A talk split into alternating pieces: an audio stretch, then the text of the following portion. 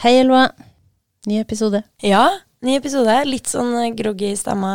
Litt tidlig på dagen. Ja, det var det. Vi pleier ikke å være her så tidlig. Nei, Men uh, det må gå bra, det. det må gå bra. Mm. Vi skal jo snakke om eh, interessante bøker og interessante tema, så vi våkner vel litt etter hvert. Vi skal det. Jeg, i hvert fall, gleder meg litt til å snakke om de bøkene jeg har med, mm. og høre om de bøkene du har med. Ja, fellesnevneren er vel at mange av dem handler om eh, arbeidsliv, arbeidsforhold. Mm.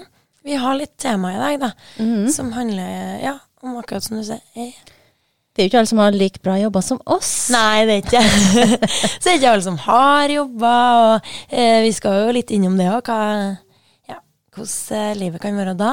Mm. Vi må bare begynne, da. Ja, vi får bare begynne. Ja, Skal jeg starte? ja gjøre det. Eh, jeg har tatt med ei bok som heter 'Jarden' av Christian Lundberg. Han er en svensk forfatter. Eh, og denne boka har han skrevet uh, Altså, den er uh, delvis sjølbiografisk. Han har skrevet om, eh, om uh, seg sjøl. For han jobba da i Malmøs havnetransport, Jarden. Eh, og der er det stort sett innleide arbeidere, timeansatte, og han får jobb via et vikarbyrå.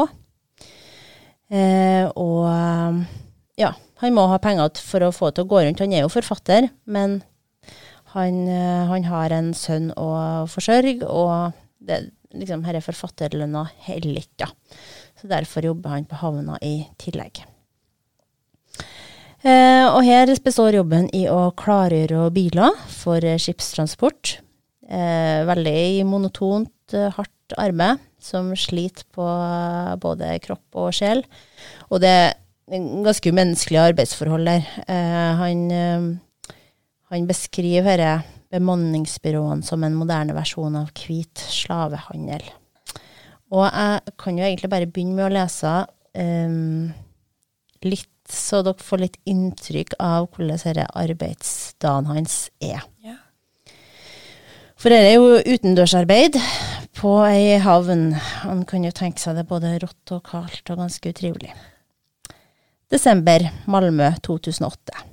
Det er krise for bilproduksjonen. Jeg jobber som transportør. Enkelt forklart, jeg flytter bilene som kommer rett fra fabrikken inn på et inngjerdet område. En del biler kommer med båt, skal få en detalj montert og fraktes deretter av gårde igjen med en returnerende båt. En del biler blir igjen for videre transport til videresalg. En del kommer med lastebil. Min oppgave kan se enkel ut. Jeg henter en bil på en del av området og kjører den til en annen del av samme område. Problemet er at vi har tusenvis av biler. Titusener av biler. Snøen som faller, gjør det heller ikke enklere. Nede på Jarden blir det stadig vanskeligere å finne riktig plass. Plassmarkeringene er nedsnødd. Utpå dagen kommer det til å bli delt ut snøskuffer til to menn, som da skal gå langs parkeringsrutene og måke bort snøen fra de gule markeringene. Det er et slags straffarbeid, omtrent som når man om sommeren dag etter dag må vaske biler. Denne dagen er jeg den ene av disse to. Vi går et stykke, måker litt, fryser, går videre. Etter at vi er ferdig med ett felt, er det bare å starte ved begynnelsen igjen. Mannen jeg jobber sammen med denne morgenen, snakker overhodet ikke svensk. Jeg prøver. Han er fra Egypt. Jeg snakker om forskjellige steder. Kairo, Dahab, busstorget i sentrum av Kairo. Jeg forteller at jeg giftet meg i Kairo. Han sier bare bra, bra, perfekt, det fikser vi. Et par uker senere forstår jeg hvorfor. Han svarer sånn på grunn av redsel. Før dette jobbet han på et bilverksted i Nordregatan. Sjefen hans hadde sagt si det til svenskene, så blir det ikke bråk. Si bra, bra, perfekt, det fikser vi, så kommer det til å gå bra for deg i Sverige. Jeg vet ikke helt. Etter tre uker får han likevel sparken fra Jarden. En av formennene har sett han snakke i telefonen samtidig som han kjører en av bilene. Det er forbudt, alle vet det, og vi forstår forbudet. Han får sparken på stedet og må gå hjem samme dag. Det er sånn for oss timeansatte. Oss kan man sende fram og tilbake. Det er ikke så farlig.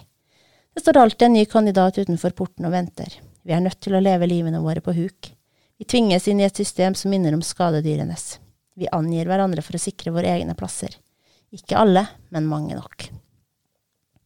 Det høres ganske heftig ut å jobbe der. Ja, det er ganske, ganske heftig.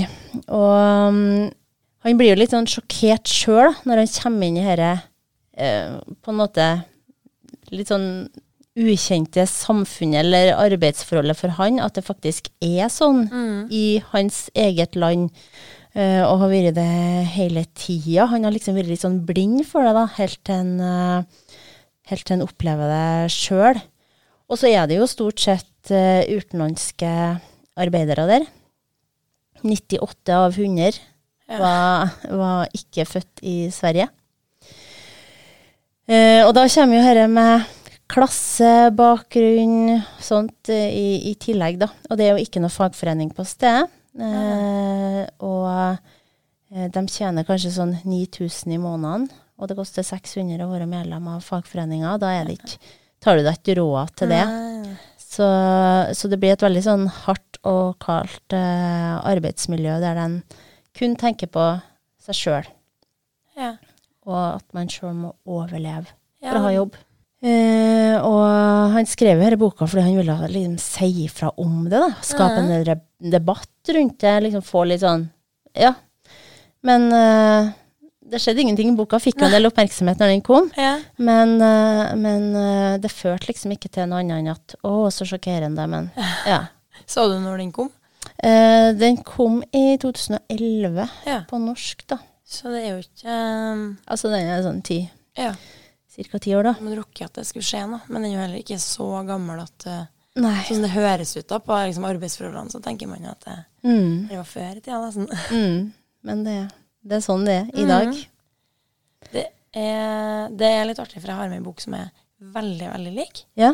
Men eh, du skal få snakke ferdig om Nei, jeg var jo egentlig ferdig med Ja. den. Jeg, jeg kan jo også si at det- det er jo en bok i en, en slags en trilogi, da. Mm. Så Christian eh, Lundberg har skrevet to bøker til etter Jarden, men Jarden er den første, og den som jeg syns er best, da. Ja. Men alle handler om det samme. Nei, ikke helt det samme. Det her som er, handler mest om sånn arbeidsliv. Ja, men han tar skjønner. opp uh, viktige temaer i, i alle tre bøkene, da. Mm. Men den Ja. du skulle fortelle om? Ja, som jeg så lik, det er Heike Gessler, midlertidig ansatt, som kom på norsk nå i 2022. Mm. Heike Gessler er tysk forfatter, eh, så her er vi jo da i Tyskland. Men hun er òg eh, Den her er ganske sjølbiografisk, mm. og handler om en forfatter som eh, ser at uh, denne frilanslønna ikke holder til å få Ja. være med og forsørge familien sin. Hun har òg et barn, Mm. eh, og hun har òg en mann, da, så at de er jo to men merker at det her det går ikke opp. Nei. Og så er jeg litt eh, slitt litt med å sende purringer når folk ikke betaler faktura, og er litt for snill kanskje da som frilanser. Så ender jeg opp med å søke seg eh, jobb jeg får et vikariat på Amazon sitt lager da, i eh, Leipzig, der hun bor. Amazon har de jo ikke hørt så veldig mye positivt om. Nei, en har jo absolutt ikke det. Eh, og det her er jo det samme, da. At det, eh, det skal jo bare være midlertidig, derfor heter midlertidig ansatt. En slags mm. redning ut av den økonomiske krisa. Og hun, eh, hovedpersonen da føler seg nok litt sånn eh, Litt over her. Altså litt eh, Det er jo om klasse, da Ja. Har jo vært i et sånn kulturmiljø, har venner som er leger, har familie Altså eh, For hun er det bare en nødjobb, ja, egentlig. det er en nødjobb. Ja. Og hun, hele tida mens hun kommer inn dit, og det der er jo, det er på lageret, så det er jo tungt fysisk arbeid. Mm. Og det er lite lønn, og det er dårlige arbeidstider, og de blir behandla altså, stygt, rett og slett, Ja. av arbeidsgiver. Men hele tida, altså allerede på, på jobbintervjuet, så går hun i en slags sånn her Eller på opplæringa så går hun i en slags sånn her eh, eh, Tenker at dette er et teaterstykke som jeg spiller en karakter i. Ja, ja. Så hun går ikke helt inn i det fullt og helt, Nei. og blir jo da litt utafor blant kollegaene. Eh, og det tar litt tid før hun kommer inn i det, fordi at hun vil beholde en slags sånn Hun vil ikke bli en av dem, da. Eh, og eh, reagere på når de blir stygt behandla. For de andre, det blir jo sånn her når du går opp i det hele tida, eh, og går opp i å bli eh, Ja, eh, må jobbe overtid uten å få lønn, eh, bli snakka stygt til, få liksom fysisk tungt arbeid, bli sjuk, men har ikke mulighet til å ta sjukedager. For da sparker de deg. Ja. Eh, eller får i hvert fall ikke penger. Eh, så blir hun, hun går jo De andre er jo på en måte vant til det og har kommet inn i den mens hun, er, bry, altså, hun greier ikke å godta det. Nei. Så hun prøver på en måte. Er motstand? eller? Ja, prøver å gjøre motstand, og det blir jo uh, tyngre og tyngre, da.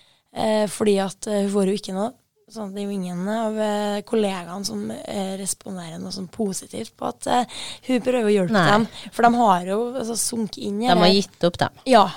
Og, og det er jo både ja, det der med at det er tungt arbeid som, og lite lønn, dårlige arbeidstider, men det er òg eh, Det er mye sånn eh, rasisme og dårlig behandling av kvinner og mm. sånn stygt eh, språk mot dem som er nederst på gulvet der, da. Så vi prøver hele tida altså både å holde seg litt utafor det, men òg veldig sånn empatisk overfor kollegaene. Mm. Men det her forsvinner jo mer og mer, da, jo tøffere det blir. Eh, så det handler jo veldig om dere eh, så Når man havner inn i de strukturene som er eh, som blir bare, ja, blir bare vant til å bli Og Hvor fort gjort det er da å bare liksom godta Ja. urettferdighet godtatt, eh, og Sånn er det. Ja. Og hvor nedbrutt du blir da, av å bli eh, dårlig behandla hver dag. Også hvis det da er det eneste alternativet ditt. For du trenger jo pengene. Mm. Og hun kan jo føle litt på at hun ikke trenger pengene så mye ennå. Men uh, hun har jo gjeld og regninger som må betales. Så selv om hun ikke har godtatt det helt, så er det jo i samme situasjon som alle kollegaene. Mm.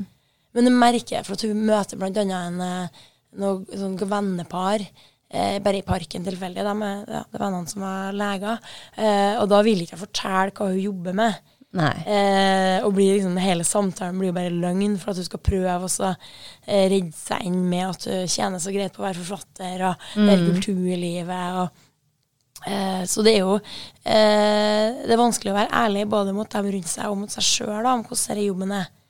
For de føler nok på en del skam av det. Så og jeg tror nok ikke at når du, altså når du begynner å komme eh, mer inn i det systemet og bli mer nedbrutt, så kjenner hun ikke inn i den seg sjøl. Så det er vanskelig å godta at hun her blir den personen som bare, ja, som bare Ja. tøler da, tøler å eh, holde ut det som er altså den dårlige behandlinga. Mhm. Så det er ganske sånn eh, rart. Og, og det er jo eh, basert på hennes eh, opplevelser, for hun har jo gjort akkurat det her. Hun har jobba på Amazon-lageret i eh, Leipzig, så at hun eh, Det føles jo veldig ekte. Og vi tror jo Altså, som du ser, vi har ikke hørt noe mye bra om eh, Ja, ikke arbeidsforholdene til. Amazon. Nei. Og jeg så at det var For den her er jo oversatt til flere språk. Jeg så det var en amerikansk avis som skrev om det, for da var det vel i den byen så skulle bygges et sånt lager. Eh, så den lokalavisa da skrev om denne boka her, og om hvordan den eh, kanskje beviste at man burde protestere mer mot at dette lageret skulle bygges. Ja. Men så har man jo det delte, for at folk trenger jo jobben, og folk trenger pengene. Mm. det, Det er en arbeidsplass. ja, det er det. Så det er ganske sånn eh, eh, tøft å lese om.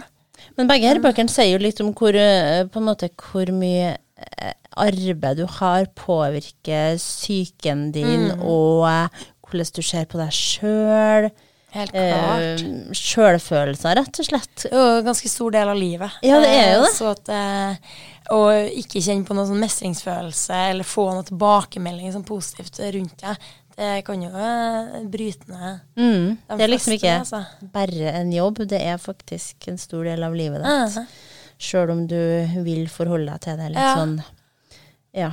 eh, her er bare noe jeg gjør på dagtid. Ja. Med en gang du havner inn i et sånn her eh, eh, maskineri hvor du bare skal Du er bare en sånn brikke i det her eh, ja, det systemet, altså i det lageret. da. Mm. Du pakker ned eske der, og den flyttes videre. og Du, er, du har ikke noen sånn egenverdi lenger. da. Nei. Og det kjenner jeg veldig på, at, eh, og det jo påvirker jo det at du skal være forfatter. For når du ikke eh, lenger har noe sånn her, ikke har noen sånn sjølhevdelse, så blir det jo vanskeligere å sende ut disse fakturaene. da, Ja. Og vanskeligere å skrive noe, vanskeligere å stole på at det hun gjør i frilansarbeidet hennes, er, er verdt noe.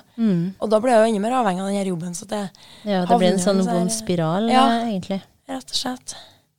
Men uh, veldig sånn uh, ja, Jeg skulle ikke si at det er fin bok å lese, men det er jo interessant. Det jo er interessant, veldig interessant. Om, så og det litt sånn viktig at en leser òg, for at en, dette skal han jo ikke godta. At folk Nei. blir behandla sånn. Den skal ikke. Eh, og det er jo fordi at vi vil ha eh, billige ting sendt til oss. Vi vil ikke kjøpe ting i fysiske butikker, eller kjøpe ting fra mindre butikker hvor det er dyrere. da. Vi vil bare eh, finne alt sammen i den samme nettbutikken og få det sendt kjapt. Ja, sånn kan jeg tenke seg at om to ganger, da, for Ja. den handler fra Amazon. Men hun sier jo det, hun hun Gessler òg, hun handler jo fortsatt bøker på Amazon, hun, sjøl om hun har opplevd det der. Ja. Og jeg snakka jo med noen senest i dag, faktisk, som hadde bestilt seg noe fra tysk Amazon. Så Ja. det er jo utrolig lettvint, da. Og bare nesten uansett hva du søker på og leter etter fra handel på nett, så dukker det opp Mm. der. Så det har, de har jo gjort seg ganske sånn um, eh, viktig, og da er det jo lett for dem å gjøre behandle, eller gjøre hva de vil, da. Med ansatte. Jeg har jo òg ennå ei eh, så Apropos det, så har jeg ennå en bok om, eh, om eh, selskap som kan gjøre hva de vil med sine ansatte. Mm. Og det er Hanna Berwetz, 'Det vi så', som også kom på norsk i 2022. Hun Hanna Berwetz er fra Nederland, og er en av, regnes som liksom en av Nederlands største samtidsforfattere. Har gitt ut mye bøker, og den boka her kom ut i sånn enormt opplag, fordi at de eh, vet at hun selger, da. Ja. Og er solgt til flere land, og var kommet veldig kjapt på, på norsk, da. Mm. Og den handler om ei som heter eh, Kayleigh, som eh, eh, for får økonomiske problemer, da, så det går jo litt igjen her, da, at man blir litt eh, desperat. Og hun søker jobb som innholdsmoderator på et, en nettbasert eh, plattform, da. Og har selvfølgelig ikke lov til å nevne den med navn til noen. Det er jo bare Eh, og det, man kan jo tenke at det finnes jo sånne plattformer. Jeg har lest noen skrekkhistorier om dem som jobber på Facebook, og eh, blant annet Twitter. Og, eh, og den jobben her består da i å så se på videoer, bilder, eh, tekster, og finne ut hva det er som er støtende nok til at det må fjernes. Hva som bryter med retningslinjene. I utgangspunktet en ganske trasig jobb. Forferdelig jobb. Eh, og det er jo sånn eh, Når hun, boka, når hun skriver, eller fortellerstemmen i boka, her, da, så har hun slutta i jobben. Og så er det eh, Det er mange tidligere ansatte i jobben her, for de får jo posttraumatisk stress og blir jo dårlige, og det er ikke så mange som overlever så lenge i jobbene. Eh, så det er mange tidligere ansatte som eh, vil saksøke firmaet da, for skadene, eller eh, Ja. ja. det de har blitt påført. Og hun vil ikke være med på det, hun Kayleigh, da.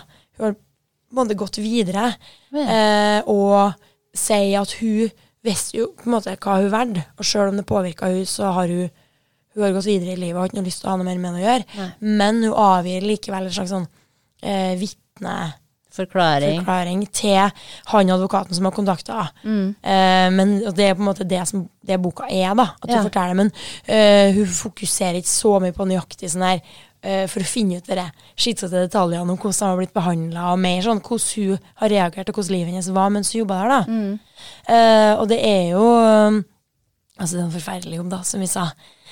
Og allerede når du starter, så er det jo på første dagen så begynner vi å se bilder av, eh, av eh, dyr som blir mishandla, eller altså en ei jente som stikker seg i eh, eh, eller skjærer seg i håndleddene med en litt for sløv kniv. De ser, eh, og så er det de reglene da, for hva det er som er greit og ikke. For det kan være greit å vise eh, vold til en viss grad.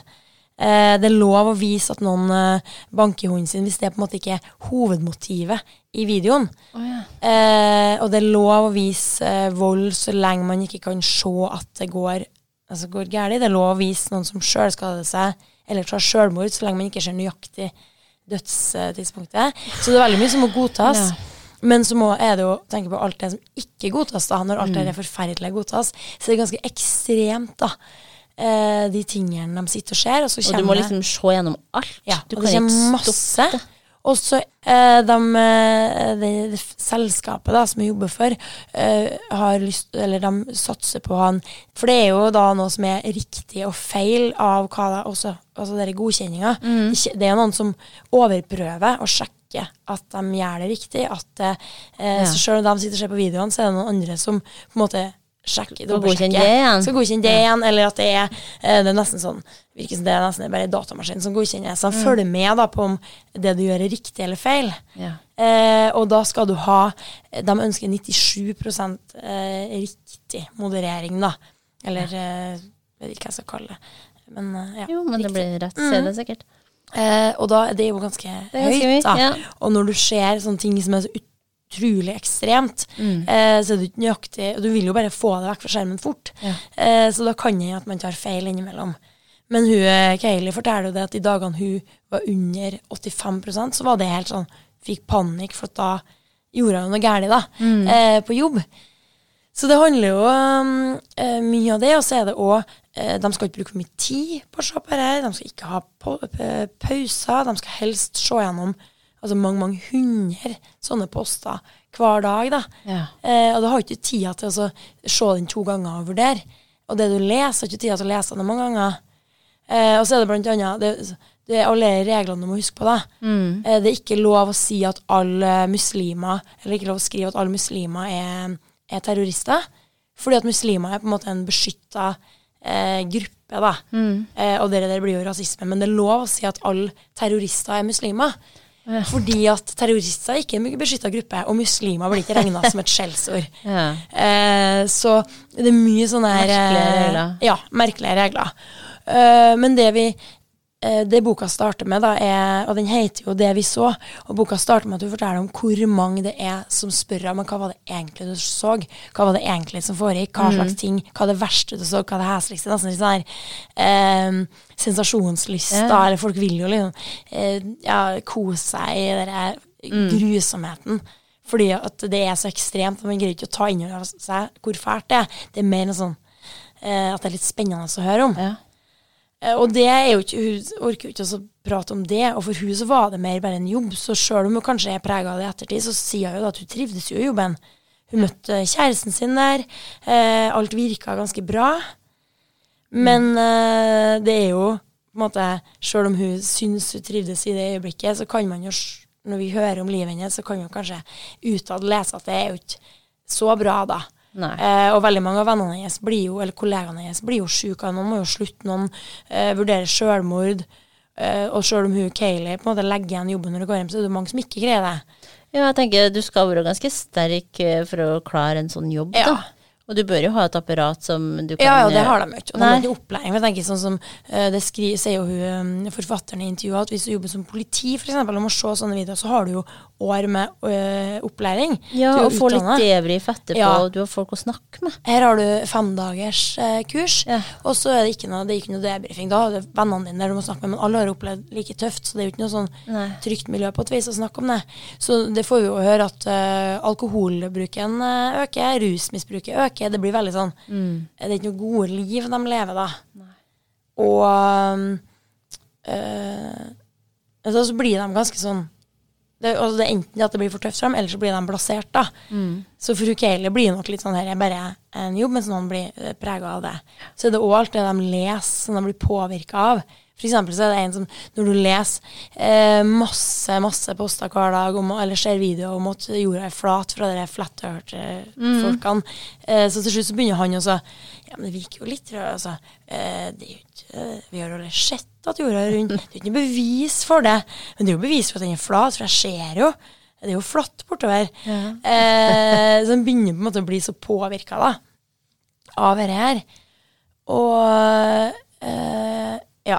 Det som hun har skrevet, hun har ikke opplevd dette sjøl, forfatteren, men hun har lest Det har jo vært ganske mye sånn saker om eh, moderatorer, og spesielt hos Facebook, da, hva de opplever, og veldig mange som blir intervjua i ettertid.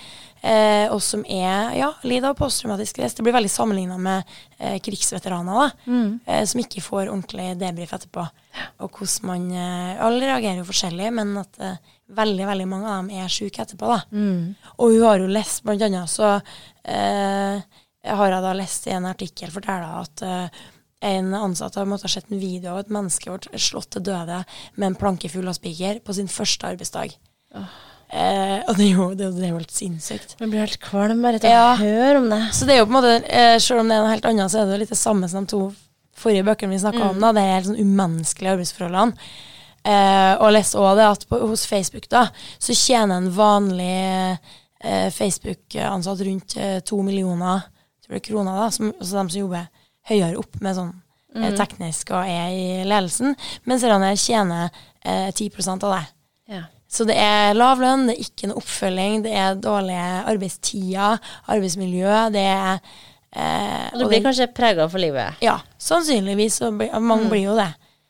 Eh, så det er, er fælt å lese om det. Ja. I hvert fall når det er så ekte. Mm. Når en kan lese Jeg har jo lest artiklene om alle dem som jobber med det her, Mm. og har jobba med det. da, hvor eh, Jeg har sett at det er flere som har eh, saksøkt òg. Mm. Men de kommer ikke fram, for at de, har eh, de vinner vel ikke fram. For de har jo på en måte valgt denne jobben sjøl, da. er vel argumentet til Facebook. Mm. Ja, ja. Mm. Nei, så det var veldig tøff bok. Den er heldigvis veldig kort. ja. Sånn at du slipper også, Og hun skriver jo, som sagt, hun er jo mer opptatt av hvordan livet hennes var den perioden, og ikke så opptatt av de detaljene. Mm. Men det var ting som jeg hadde bare lyst til å bla over, da. Men uh, det var veldig spennende å lese om, mm. syns jeg. Det er jo snedig å få innblikk i, i arbeidsliv som er litt fjernt fra den sjøl Ja. her. Det er nok viktig, da, bare her, her og de forrige bøkene, å få snakka om eh, Mm. de mer umenneskelige forholdene som faktisk folk eh, eh, lever under, eller jobber under. Ja. Men da lurer jeg på om vi skal bevege oss til litt mer sånn hjemlige Ja. arbeidsforhold. Har du noe som er litt mindre Noe som er litt mer kjent. Jo, jeg tenkte vi skulle bevege oss over til kommunal virksomhet. virksomhet. -hmm. Det er jo litt mer kjent for oss. Ja. Eh, Sjøl om eh, vi skal til hjemmesykepleien.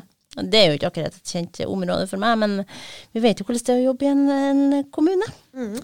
Og da har jeg tatt med en bok som heter 'Herfra til Hiroshima' av Sunniva Ly Akselsen. Og eh, det er en ganske sånn humoristisk bok, egentlig. Vi møter ei som heter Ingrid, som er i slutten av 30-årene. Jobber da i hjemmesykepleien i en liten eh, drittkommune, som hun sjøl sier. Og har eh, brukt hele livet på å nedbetale gjeld etter at foreldrene døde. De døde ganske tidlig. Så hun bor alene, har ingen utdannelse, har eh, lav sjøltillit eh, og er et litt sånn eh, ensomt menneske. Eh, og det er på en måte ingen som venter på når hun er ferdig på arbeid, ingen som spør etter hun, og den eneste sosiale kontakten hun har, er jo med brukerne sine. Og det er jo eh, forskjellige typer, da. Vi har Erling som liker å ha på seg dameklær. Vi har et eh, styrterikt eh, ektepar, Gjertrud og Otto. Der Otto har etter hvert blitt en litt sånn pervers eh, type på sine eldre dager. Og så har vi periodedrankeren Hildegunn, som har jobba som diplomat i, i sine yngre år. Og, og så har vi Carl, da, som er lenka til senga og trenger hjelp til alt. Så det er en sånn veldig variert eh, brukergruppe her. Mm. Så hun føler seg veldig stuck i denne situasjonen, og det er eh, veldig mye sånn gode beskrivelser av, eh, av eh, arbeidsdagen hennes. Stress eh, Altså, hun har jo ikke så mye tid på, på hver bruker. Det er travelt å komme seg imellom. Eh, hun har en eh, sjef som eh, krever ganske mye av henne, og ja. Eh, jeg tror nok kanskje eh, mange som jobber i hjemmesykepleien, kan kanskje kjenne seg igjen i både dette eh, stresset og kontakten med, med brukerne. Mm. Eh, men så handler jo boka om litt mer enn det. Og da, altså, dette er jo på en måte grunnhistoria. Men hun, hun møter jo en dag en fyr som er en pårørende Ja. av en, en bruker. Og han legger merke til Ingrid, og Ingrid er jo ikke vant til å få denne oppmerksomheten, så eh, hun blir jo litt sånn besatt av han. Så det blir en slags sånn, hva skal jeg si, ei kjærlighet slash eh, sjalusihistorie ut av det, da. Eh, og etter hvert så fer man da verden rundt, altså herfra til Hiroshima, der derfor, derav tittelen. Men, eh, men jeg tenker det er litt sånn Her òg så er det um, den desperasjonen til hun Ingrid som gjør at hun eh, tar litt sånn rare valg. Eh, for hun og hele hennes personlighet har jo på en måte bare vært her i jobben i hjemmesykepleien. Altså hun, har, hun begynte jo å jobbe når hun var ja, rundt 20 år. Mm. Fikk seg en sånn vikariat eh, og tenkte jo at hun skulle utdanne seg. Tenkte jo at hun skulle gjøre noe annet etter hvert. Så har jeg liksom bare blitt gående i denne tralten, og så plutselig er det for seint, føler jeg. Og så nærmer seg 40, og ja, hva skal han begynne med da? Um, så det er jo det som gjør at hun etter hvert gjør litt sånn desperate ting i, i privatlivet. Og denne jobben har forma så mye, da. Mm. At hun ja, kanskje ikke helt Nei, men det er jo sånn som vi sa i stad, at eh, jobben eh, preger en jo ganske mye. Mm Og påvirker kanskje mer enn en eh, tenker at den skal få lov til å gjøre. Ja. Så det er jo i alle bøker vi har snakka om, så vil jo så påvirker jo jobben eh, ja. hos uh, Mye mer enn vi aner. Jeg Ja. lurer på hvordan vi blir påvirket av jobben vår. Ser vi ikke det sjøl, kanskje? Nei. Det er ikke sikkert man gjør det. Men dette er da, i tillegg til å være altså Det er jo litt sånn alvorlig, mye alvorlig tema i boka, men den er veldig artig skrevet, da. Så man kan jo lese den på en eh, Ja, det er en humoristisk bok i tillegg. Så hvis man har lyst på en litt sånn morsom bok, da. Ja. Det er jo litt godt, det jo kanskje da ja. at Mye humor i det, Eh. i hvert fall. Har du, har du mer? Jeg Vil du bare ha mer? Ja, jeg har ei bok til, da. Um, og det er ei um, japansk bok. Den uh, kom i Ja, den er ikke så gammel. 2020. Heter 'Døgnåpent' av uh, Sayaka Murata. Hun er en forfatter som har liksom opplevd kjempesuksess med denne boka. Det var det internasjonale gjennombruddet, og den ble oversatt til 35 språk og fikk masse oppmerksomhet. Eh, og her møter vi ei dame da, slutten av 30-årene, eh, som jobber på en eh, kiosk. Derav tittelen 'Døgnåpent'. En døgnåpen kiosk. Mm. Og der har jeg jobba i 18 år. Eh, som timeansatt, ikke fast ansatt. Eh, hun har liksom hele tida tenkt at ja, så lenge hun har den jobben, så, så er det liksom greit. Eh, men nå da så begynner jeg etter hvert å føle at den jobben er liksom ikke nok. Hun er 36 år. Eh, kanskje hun skulle hatt mann, kanskje hun skulle hatt barn. Hun Mm. er liksom ikke eh, Hun har blitt litt sånn stuck i denne jobben. da, Tenkt at så lenge du har jobb, så er du voksen og ansvarlig, Ja. og det, det er nok det å ha en jobb.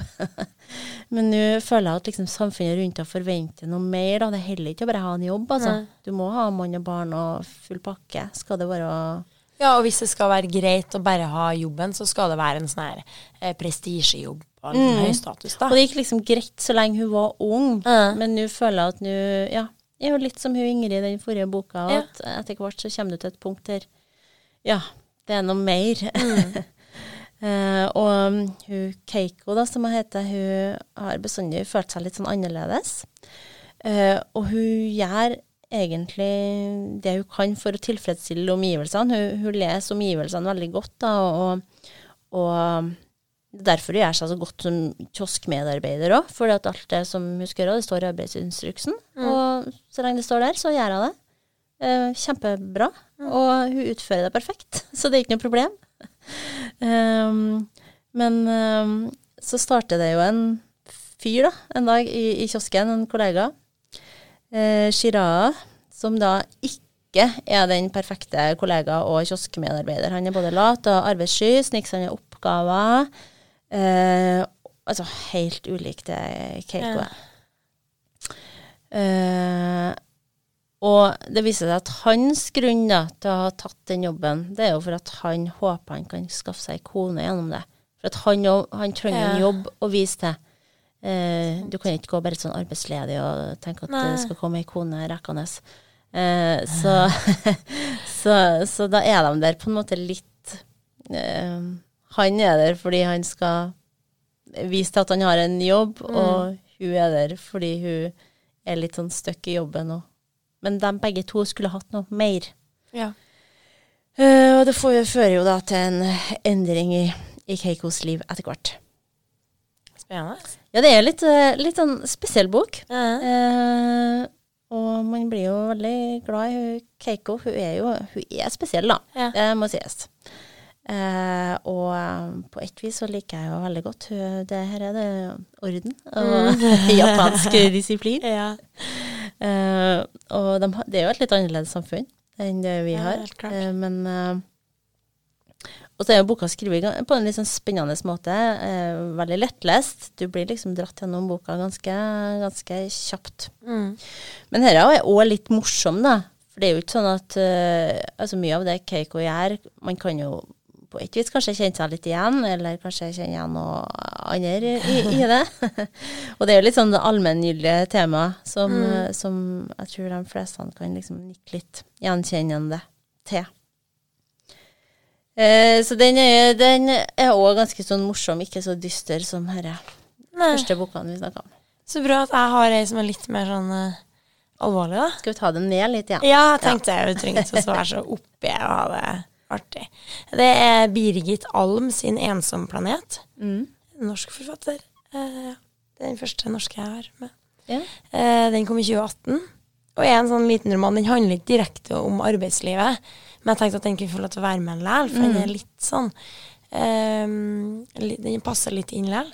Den handler jo da om eh, Karianne, som eh, Det starter med at hun er i den kommunale boligen til sin tidligere nabo Boris. Og dem, eh, hun har også, altså tidligere nabo, da, så hun har også bodd i en kommunal bolig. De delte eh, bad og do på gangen. Ja. Eh, og var da på en måte eh, likeverdig, da. Men nå har hun eh, flytta, har fått seg jobb, har kommet seg måte opp i verden, da, som hun mener sjøl, og eh, ikke hatt noe mye kontakt med han Boris. Og hun har nok følt litt at han er en sånn her Noe som henger igjen fra fortida, som ikke er så viktig for henne, og er litt sånn masete. Mm. Og han, ja, hun har nok vært ganske viktig for han, men eh, det er litt som en sånn der ja, Du blir liksom sliten av eh, å ha med han å gjøre og føle at det er en plikt, da. ja. Men så dør han. Han er, eh, reiser til Kina, har spart penger og har reist til Kina, og der dør han, da. Oi. Og så, ja, eh, det er veldig sånn rart, men uh, han er nok en spesiell fyr. Ja. Og så har hun da blitt eh, eh, kontakta for at hun er en av hans nærmeste. Foreldre er i Oslo, og familien hans bor ikke i Oslo, og de har ikke hatt kontakt med ham på mange år. Nei. Han her er jo en eh, middelaldrende mann, da. Og uh, så derfor så er hun på en måte den nærmeste. Og så er hun i tillegg, for de har jo vært Han har jo hatt flere personer sånn rundt seg, men hun er nok den mest ressurssterke. Ja. For de andre har vært litt sånn i samme eh, båt som han. har Ikke hatt jobb, slitt litt psykisk. Eh, kanskje det har vært litt sånn rus, det har vært litt eh, eh, alkohol. Eh, så den som kan på en måte ta seg av det her dødsboet, det blir hun, da. Ja. Så hun da er da inn i eh, leiligheten hans og går gjennom tingene hans. Ja. Utrolig irritert for at hun må gjøre det. ja. Eh, blir sånn her, Når du kommer inn første gangen, så syns jeg det er sånn heslig. Og dette er jo en som, da hun sjøl var naboen, så kunne de spise middag i lag og være sammen. Og eh, da var jo hun på en måte ja, på samme nivå, da. Men nå har hun hatt en slags sånn klassereise. Ja. Og den har vært ganske viktig for henne, for jeg tror nok at hun hadde det så tøft før den tida, da hun sjøl eh, eh, ja, sleit økonomisk. Ja. Men eh, nå Så det er veldig viktig for henne kvitte seg med den fortida, og det gjorde også at det var viktig for henne ikke ha så mye kontakt med han Boris. Men nå blir hun liksom tvunget Hun blir jo tvunget Uh, og liksom rote igjen, for det er ligger jo selvfølgelig søppel der, og Ja. er litt sånn heslig, og hun ser i sofaen hans akkurat den der eh, nedsunket plassen hvor han har sittet hver eneste dag, da. Og det er jo helt det er så trist. Ja. Livet til han Boris, det er jo Selv om han på en måte har vært Han har ikke vært misfornøyd heller, uh, men Og det er jo kanskje òg noe sånn her klassegreie, at, eh, og litt sånn eh, at jeg blir litt sånn ser, så ikke at jeg ser ned på han, men at du føler at livet hans kanskje er mer stusslig enn han har syntes. Ja. For at jeg ville følt at det har vært stusslig og levd sånn. Men jeg tror nok ikke at han har hatt det eh, så trasig. Men bare det at hun har ikke ville hatt kontakt med har liksom, eh, ikke tatt telefonen og ringt, eller bare vært kjapt inne på besøk, ikke tatt av seg ytterjakka og skoene engang. Eh, det er jo så trist. Mm. Eh, og i hvert fall når vi finner ut at hun er kanskje den viktigste personen i Ja. livet til Boris, så blir det veldig trist, da.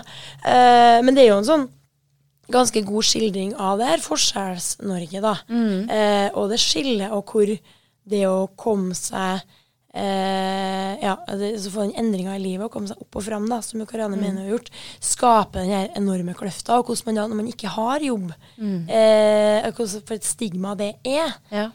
Eh, og eh, Karianne får jo til og med jobb på Nav, så hun går fra å gå på Nav til å få jobb på Nav. Mm. Eh, og da blir jo enda viktigere at Boris blir en sånn her eh, samme person som hun møter, eh, og kanskje ser litt ned på det. Mm. Og det har nok vært veldig viktig for hun ja, som jeg sa, det der å komme seg opp, da. Mm. Eh, og hun føler seg fremdeles, for på jobben, så er jo hun fremdeles den med dårligst økonomi. og på en måte eh, den som har altså en bakgrunn som ikke passer helt inn til dem som er eh, ja, bestandig har hatt jobb eller bestandig Ja. hatt utdanning, eller kommer fra sånn her, eh, godt, gode familier. da. Mm. Så hun går med et slags sånn mindreverdighetskompleks på jobb, og da er det viktig for hun å finne noen hun er over, i hvert fall Ja, på en slags sånn sosial rangstige. Mm. Eh, så den er jo eh, Ja, den er ganske kritisk til det klasseskillet som faktisk er i Norge, da. Og det her eh, med hvem det er som er vellykka, og hvem det er som er taperne, da, som det blir beskrevet. Og hvem er det egentlig som har hatt det beste av Karianne og Boris, og hvem er det som har eh, ja, fått mest ut av livet sitt, og Ja. Litt sånn eh, tankevekkende. Ja, den er det. Den handler jo mye om arbeid, da, bare på en litt mer Ja, sånn indirekte måte. Den gjør jo det. Helt klart.